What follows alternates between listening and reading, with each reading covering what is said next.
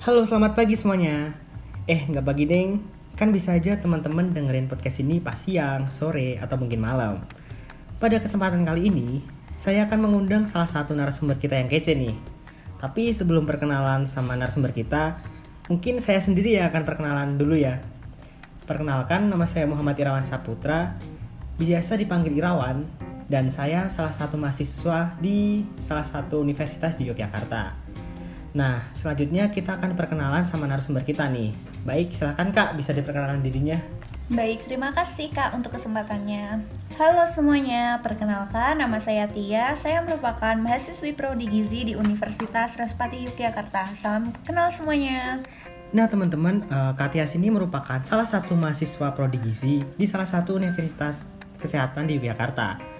Pada kesempatan kali ini, topik yang akan kita bahas mengenai anemia nih. Iya kan, Kak? Betul banget. Jadi di sini kita akan sharing kepada teman-teman semua mengenai anemia. Jadi disimak baik-baik ya teman-teman. Nah, baik, langsung saja yuk Kak. Uh, aku juga udah penasaran nih soalnya. Apa sih anemia itu? Oke, jadi anemia itu adalah kondisi kekurangan darah atau kadar HB hemoglobin yang lebih rendah dari batas normal. Nah, untuk batas normal HB itu sendiri yaitu 12 gram per desiliter. Hemoglobin itu merupakan komponen sel darah merah yang kaya zat besi dan berperan dalam meningkatkan oksigen dalam darah, Kak. Oh, jadi uh, anemia ini uh, merupakan apa ya? Penyakit kekurangan zat besi ya, Kak? Betul. Nah, zat besi itu apa sih, Kak? Dan berapa gitu kebutuhan zat besi pada remaja? Mungkin dari laki-laki beda, cewek juga beda mungkin ya, Kak? Iya, itu beda tergantung jenis kelaminnya. Jadi, zat besi itu merupakan mineral yang berperan penting dalam pembentukan hemoglobin dalam sel darah merah. Hemoglobin sendiri itu merupakan protein yang membawa oksigen dari paru-paru ke seluruh tubuh.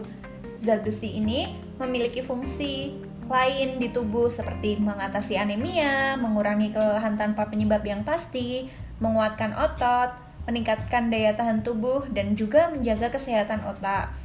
Nah, tubuh itu memerlukan zat besi dalam jumlah yang tepat. Apabila tubuh kekurangan zat besi, kondisi ini dapat menyebabkan defisiensi anemia zat besi nih kak. Nah, sementara itu, bila tubuh terlalu banyak zat besi, maka dapat menyebabkan keracunan zat besi. Jadi, sebaiknya tuh kita konsumsi zat besi itu sesuai dengan kebutuhan ya. Nah, zat besi ini dibutuhkan dalam jumlah yang kecil, tetapi memiliki pengaruh yang besar jika kita tidak mencukupinya. Nah, untuk kebutuhan zat besi pada remaja untuk jenis kelamin laki-laki nih. Untuk usia 13 sampai 29 tahun, kebutuhan zat besinya tuh 9 sampai 11 mg. Sedangkan pada perempuan usia 13 sampai 29 tahun, kebutuhan zat besinya itu 15 sampai 18 mg. Jadi, kebutuhan zat besi itu tuh beda ya kak antara laki-laki dan perempuan. Lebih tinggi yang perempuan gitu kak. Oh seperti itu ya kak. Lalu gimana nih kak cara kita agar bisa mendapatkan uh, bisa mencukupi gitulah kebutuhan zat besi kita kak? Dan dari mana gitu kita bisa mendapatkan uh, zat besi itu? Baik, nah jadi zat besi itu sendiri itu ada dua jenis ya kak. Zat besi hem dan juga zat besi non hem Nah untuk zat besi hem ini tuh bisa kita dapatkan dari sumber hewani seperti daging merah, hati, ikan tuna, kerang, dan juga tiram. Nah, sedangkan zat besi non-heim itu kita bisa mendapatkannya dari tumbuhan kak, seperti sayuran hijau, misalnya bayam, kale, brokoli. Nah, sayuran hijau ini tuh kaya banget zat besinya. Nah, selain dari sayuran hijau, kita tuh juga bisa mendapatkan sumber zat besi itu dari tahu dan juga kacang-kacangan kak. Oh jadi banyak ya kak? Maksudnya kita banyak dari banyak apa namanya? Sumber. Iya banyak sumber yang bisa kita dapatkan gitu ya kak? Iya betul banget. Nah kalau kekurangan zat besi ini kan bisa bikin kita anemia nih kak. Lalu uh, gejala anemia itu sendiri seperti apa sih kak? Nah kalau gejala yang sering kita temui itu ada 5L ya kak lemah, letih, lesu, lelah, lunglai. Nah, itu tuh gejala yang paling umum. Nah, selain itu, gejala lainnya tuh seperti kulit pucat, mudah lelah, tampak lemas, sering pusing, dan sakit kepala. Nah, kemudian pada kuku, kulit, dan rambut itu kering, Kak. Dan biasanya pada orang anemia ini nafasnya tuh lebih pendek gitu kak. Banyak juga ya kak gejala anemia ternyata. Iya. Nah, terus kalau uh, faktor penyebab anemia itu apa sih kak? Uh, kalau untuk anemia defisiensi zat besi nih kak, itu faktor penyebabnya tuh ada empat. Yang pertama itu karena kekurangan darah seperti luka atau menstruasi pada perempuan. Nah, kehilangan darah ini kan darah kan mengandung zat besi nih kak di dalam sel darah merah. Jadi jika tubuh kekurangan kehilangan darah, maka kita akan kehilangan sedikit zat besi. Nah, pada wanita yang mengalami mens itu sangat beresiko mengalami kehilangan darah kak. Uh, yang kedua itu karena kekurangan zat besi dalam makanan. Nah, tubuh itu kan secara teratur memperoleh zat besi dari makanan. Nah, jika kita mengonsumsi sedikit sumber zat besi dalam makanan, maka lama-kelamaan tubuh itu akan kekurangan zat besi begitu. Nah, untuk yang ketiga, itu karena ketidakmampuan menyerap zat besi. Nah, zat besi dari makanan itu kan akan diserap di aliran darah di usus kecil nih. Nah, gangguan pada usus itu dapat mempengaruhi kemampuan usus dalam menyerap zat gizi dan dapat menyebabkan kekurangan zat besi. Nah, selain itu, ada juga nih zat anti gizi yang dapat menghambat penyerapan zat besi seperti tanin, asam fitat, dan juga asam oksalat. Jadi, tiga senyawa ini, tiga senyawa zat anti gizi ini dapat mengikat zat besi sehingga zat besi itu sulit untuk diserap kak. Nah untuk kalau dari sumbernya tanin itu bisa kita dapatkan di teh dan kopi. Sedangkan asam fitat itu biasanya ada di sereal serealia seperti gandum dan juga beras. Uh, asam fitat ini juga ada di kedelai. Untuk asam oksalat itu tuh biasanya ada di sayuran hijau seperti bayam, gitu kak. Oh iya kak, satu lagi nih yang kurang e, penyebabnya yaitu karena kehamilan. Nah, pada kehamilan ini kan simpanan zat besi diperlukan untuk meningkatkan volume darah untuk ibu dan janin. Jadi bisa beresiko kekurangan zat besi di tubuh nih kak. Oh jadi mm, banyak ya kak faktornya buat apa munculnya anemia ini?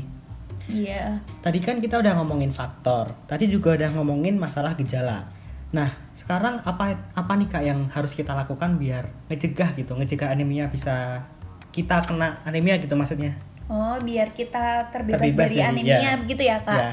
Baik. Nah, agar kita terbebas dari anemia, yang perlu kita lakukan yaitu yang pertama dengan kita meningkatkan pengetahuan terkait anemia, dimulai dari gejalanya apa, kemudian penyebabnya apa, dan cara menanggulanginya bagaimana.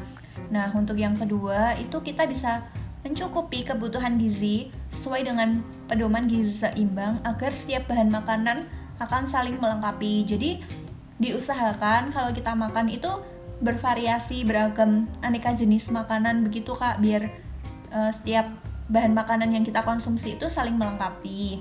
Nah kemudian yang ketiga itu kita dapat mencukupi kebutuhan zat besi dengan cara mengonsumsi makanan sumber zat besi heme yang tadi kita bisa dapat dari produk hewani dan juga non hem yang bisa kita dapatkan dari produk nabati secara bersamaan.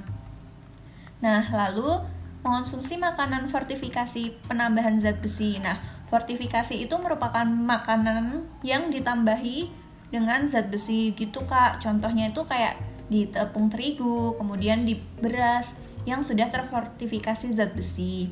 Nah, selain itu, kita juga dapat mengonsumsi suplemen zat besi sesuai dosis. Nah, kalau konsumsi suplemen ini biasanya dianjurkan pada bayi, remaja, dan wanita usia subur dan juga ibu hamil. Nah, empat golongan ini biasanya yang paling beresiko kekurangan zat besi sih, Kak. Uh, kalau cara yang selanjutnya yaitu kita bisa menghindari konsumsi zat besi bersamaan dengan zat anti gizi yang dapat mengganggu penyerapan zat besi seperti teh, kopi, dan juga susu. Jadi dihindari ya kak kayak konsumsi sumber zat besi nanti minumnya kopi itu kan percuma ya kak eh, zat besinya tidak terserap dengan baik. Nah untuk yang terakhir kita bisa mengonsumsi vitamin C untuk mempercepat penyerapan zat besi. Nah hindari diet ketat dan kalau bisa kita harus rutin olahraga ya. Nah Jadi, jika kalian sudah mengalami gejala anemia yang sudah kita bahas di awal, yuk segera konsultasikan kepada ahli gizi untuk pengaturan pola makan dan diet yang tepat untuk anemia ya teman-teman agar anemia nya tidak berlanjut sampai parah begitu. Nah, kalau itu kan uh, gimana ya, Kak? itu kan lebih ke sebelum kena anemia. Maksudnya itu masih pencegahan. Iya, masih pencegahan gitu ya, Kak. Iya, betul. Lalu kalau kita udah terlanjur terkena nih, gimana gitu cara pengobatannya?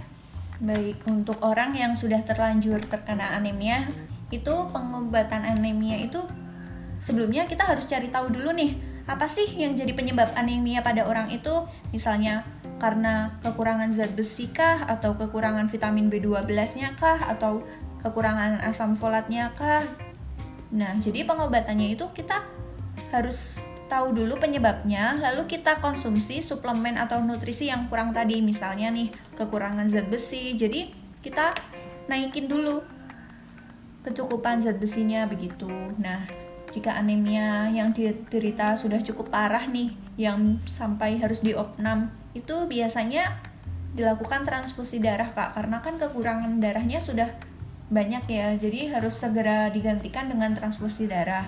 Nah, kalau untuk pemberian obat itu ada obat yang dapat menekan kekebalan sistem tubuh. Nah, pemberian obat ini tujuannya itu untuk memperbanyak sel darah merah dalam tubuh seperti suntikan eritropoietit. Nah, begitu Mas itu bisa mengobati anemia.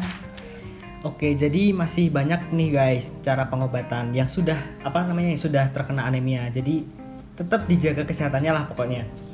Nah, dari penjelasan kakak tadi nih, tadi kan yang rentan terkena anemia ini kan remaja putri ya kak. Lalu apa sih dampaknya jika remaja putri terkena anemia ini kak?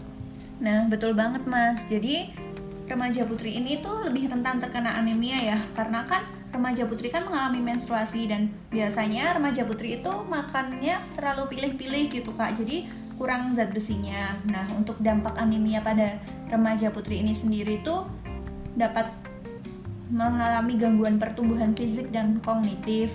Kemudian penurunan tingkat kekebalan tubuh. Kemudian ada penurunan tingkat konsentrasi dalam proses belajar gitu kak. Dan kemudian penurunan produktivitas kerja. Nah, pada saat uh, remaja putri ini mengalami kehamilan, nah itu tuh ada kemungkinan bayi yang dilahirkan itu mengalami prematur atau lahir sebelum waktunya. Nah, kemudian bayinya itu juga bisa BBLR atau berat badan bayi rendah. Nah, pada keadaan anemia yang cukup parah, itu tuh bisa beresiko terjadinya kematian pada ibu saat melahirkan. Gitu mas. Jadi kan banyak banget ya uh, dampaknya. Jadi sebisa mungkin kita cegah anemia ini sedini mungkin agar kita tidak terjadi anemia. Begitu kak Nah dengerin nih guys kata Katias Kita perlu nih mencegah dari sedini mungkin supaya kita terhindar dari anemia Baik, uh, itu tadi penjelasan dari narasumber kita mengenai anemia jadi tolong diperhatikan banget nih guys dari gejala, faktor, dan yang terpenting itu mengenai cara mencegahnya. Gimana nih guys, sudah siap belum eh, menjadi remaja yang bebas anemia? Yuk sayangi diri kita dengan mengonsumsi makanan yang bergizi dan beragam. Lakukan aktivitas fisik, cukup minum air putih, stay safe, dan tentunya stay healthy semuanya. Oke, mungkin uh, kita cukupkan sampai di sini ya teman-teman. Makasih banget yang udah mau uh, ngedengerin podcast kita sampai akhir ini. Dan terima kasih banget buat narasumber kita Kak Tias yang sudah uh, memberikan informasinya mengenai anemia. Terima kasih banyak Mbak Tias. Iya, sama-sama Kak. Semoga teman-teman semuanya dapat mengaplikasikan materi ini ke kehidupan pribadinya ya sehingga kita semua bisa terhindar dan terbebas dari anemia. Amin. Amin. Semoga kita bisa terhindar dari anemia. Amin amin ya rabbal alamin. Baik, terima kasih banget buat semuanya. Sampai jumpa di podcast kita selanjutnya. Dadah. Dadah.